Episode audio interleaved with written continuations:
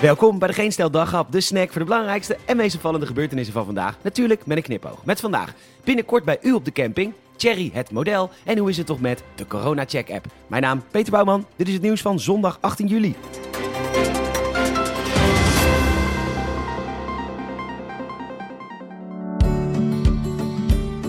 Nederland. Wat een land om trots op te zijn. Na kaas, tulpen en watermanagement hebben we nu het nieuwste Nederlandse product om uw vakantiebestemming wat levendiger te maken. Heeft u ook last van suffe terrasavonden, clubs waar helemaal niks gebeurt of een vakantiepark waar altijd alles maar netjes is? Boek nu de Nederlandse Jongeren, het nieuwste exportproduct van de BV Nederland. Elke vakantie zit vol spanning en sensatie als u onze jongeren uitnodigt op uw vakantiecamping of in uw stad.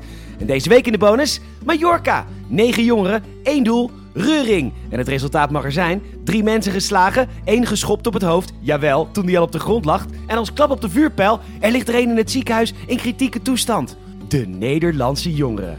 Onze jongeren. Binnenkort bij u op de camping.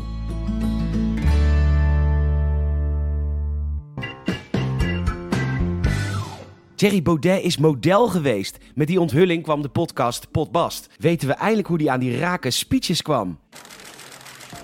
Hi hi, bonsai. Lekker bezig, Thierry. Godverdomme. Wees een tijger. Voel je een L van Minerva? Ja hoor, even wachten hoor. Neem ik even een lijntje. Schreeuw jij ondertussen even lekker in een kussen?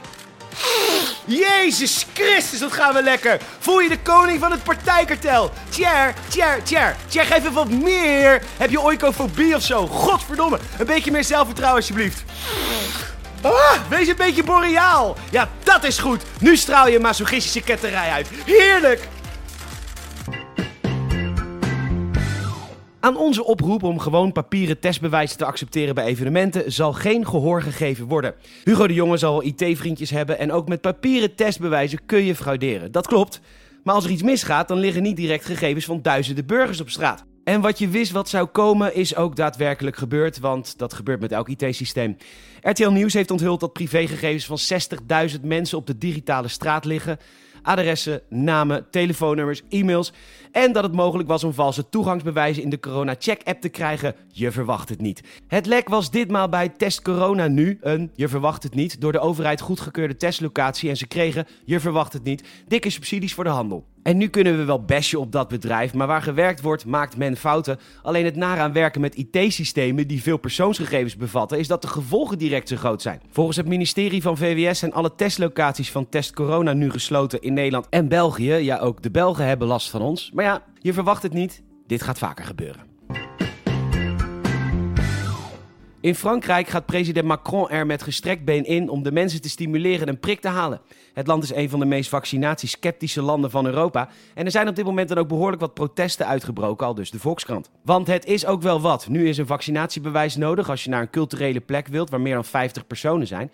In augustus wordt het ook nog uitgebreid naar horeca, winkelcentrum en ja, zelfs ziekenhuizen. Meneer heeft een dubbele bypass nodig en wat stands. Ja, ja, stop het bloeden. Ja, ja, Harry, waarom stop je nou? Oh, geen vaccinatiebewijs. Sorry, meneer.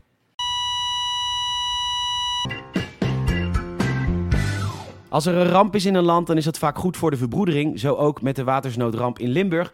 Want eindelijk wordt social media massaal positief gebruikt om mensen te helpen. De NOS meldt dat hulp uit het hele land komt via verschillende Facebookgroepen. En dat de teller van Giro 777 op bijna 4 miljoen staat. Ook zijn er al honderden zakken kleding verzameld van heel veel lieve mensen.